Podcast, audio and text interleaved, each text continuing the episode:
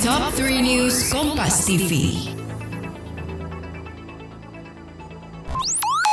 Dengarkan percakapan Wisnu Nugroho, jurnalis dan pemimpin redaksi Kompas.com dengan tokoh-tokoh yang menggulati hidup dengan gigih serta kisah tentang pengalaman berkesadaran yang menggugah hati. Hanya di podcast Beginu, bukan begini, bukan begitu.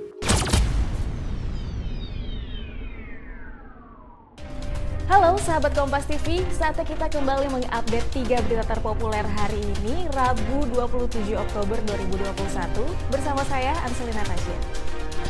Sahabat Kompas TV di berita pertama untuk mencegah lonjakan mudik pada akhir tahun, pemerintah memutuskan untuk menghapus cuti bersama Natal 2021.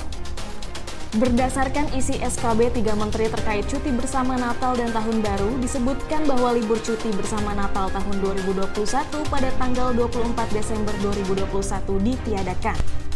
Keputusan pemerintah untuk meniadakan cuti Natal pada 24 Desember ini berdasarkan pertimbangan pada meningkatnya kasus COVID-19 pasca libur Natal dan Tahun Baru pada 2020. Lonjakan gelombang kasus COVID-19 pertama di Indonesia terjadi pada periode Januari hingga Februari 2021 pasca libur Natal dan Tahun Baru. Sahabat Kompas TV di berita kedua, Kementerian Kesehatan menetapkan harga tes PCR terbaru untuk di Pulau Jawa dan Bali sebesar Rp275.000, sementara Rp300.000 untuk di luar Pulau Jawa.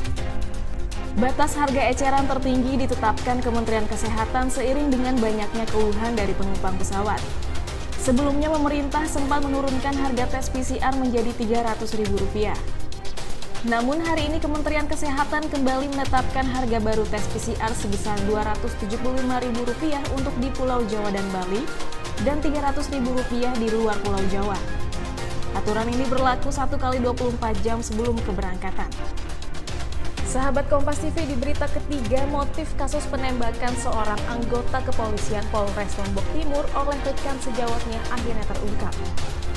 Dari hasil pemeriksaan tersangka oleh tim penyidik Polres Lombok Timur, terungkap sejumlah fakta bahwa tersangka M. Nasir sengaja menghabisi nyawa korban karena motif asmara. Tersangka M. Nasir cemburu lantaran mendapati obrolan mesra antara istrinya dan korban di telepon genggam istrinya. Atas perbuatannya, tersangka M. Nasir bakal dijerat dengan pasal pembunuhan berencana dengan ancaman hukuman mati seumur hidup atau setidaknya hukuman penjara selama 20 tahun.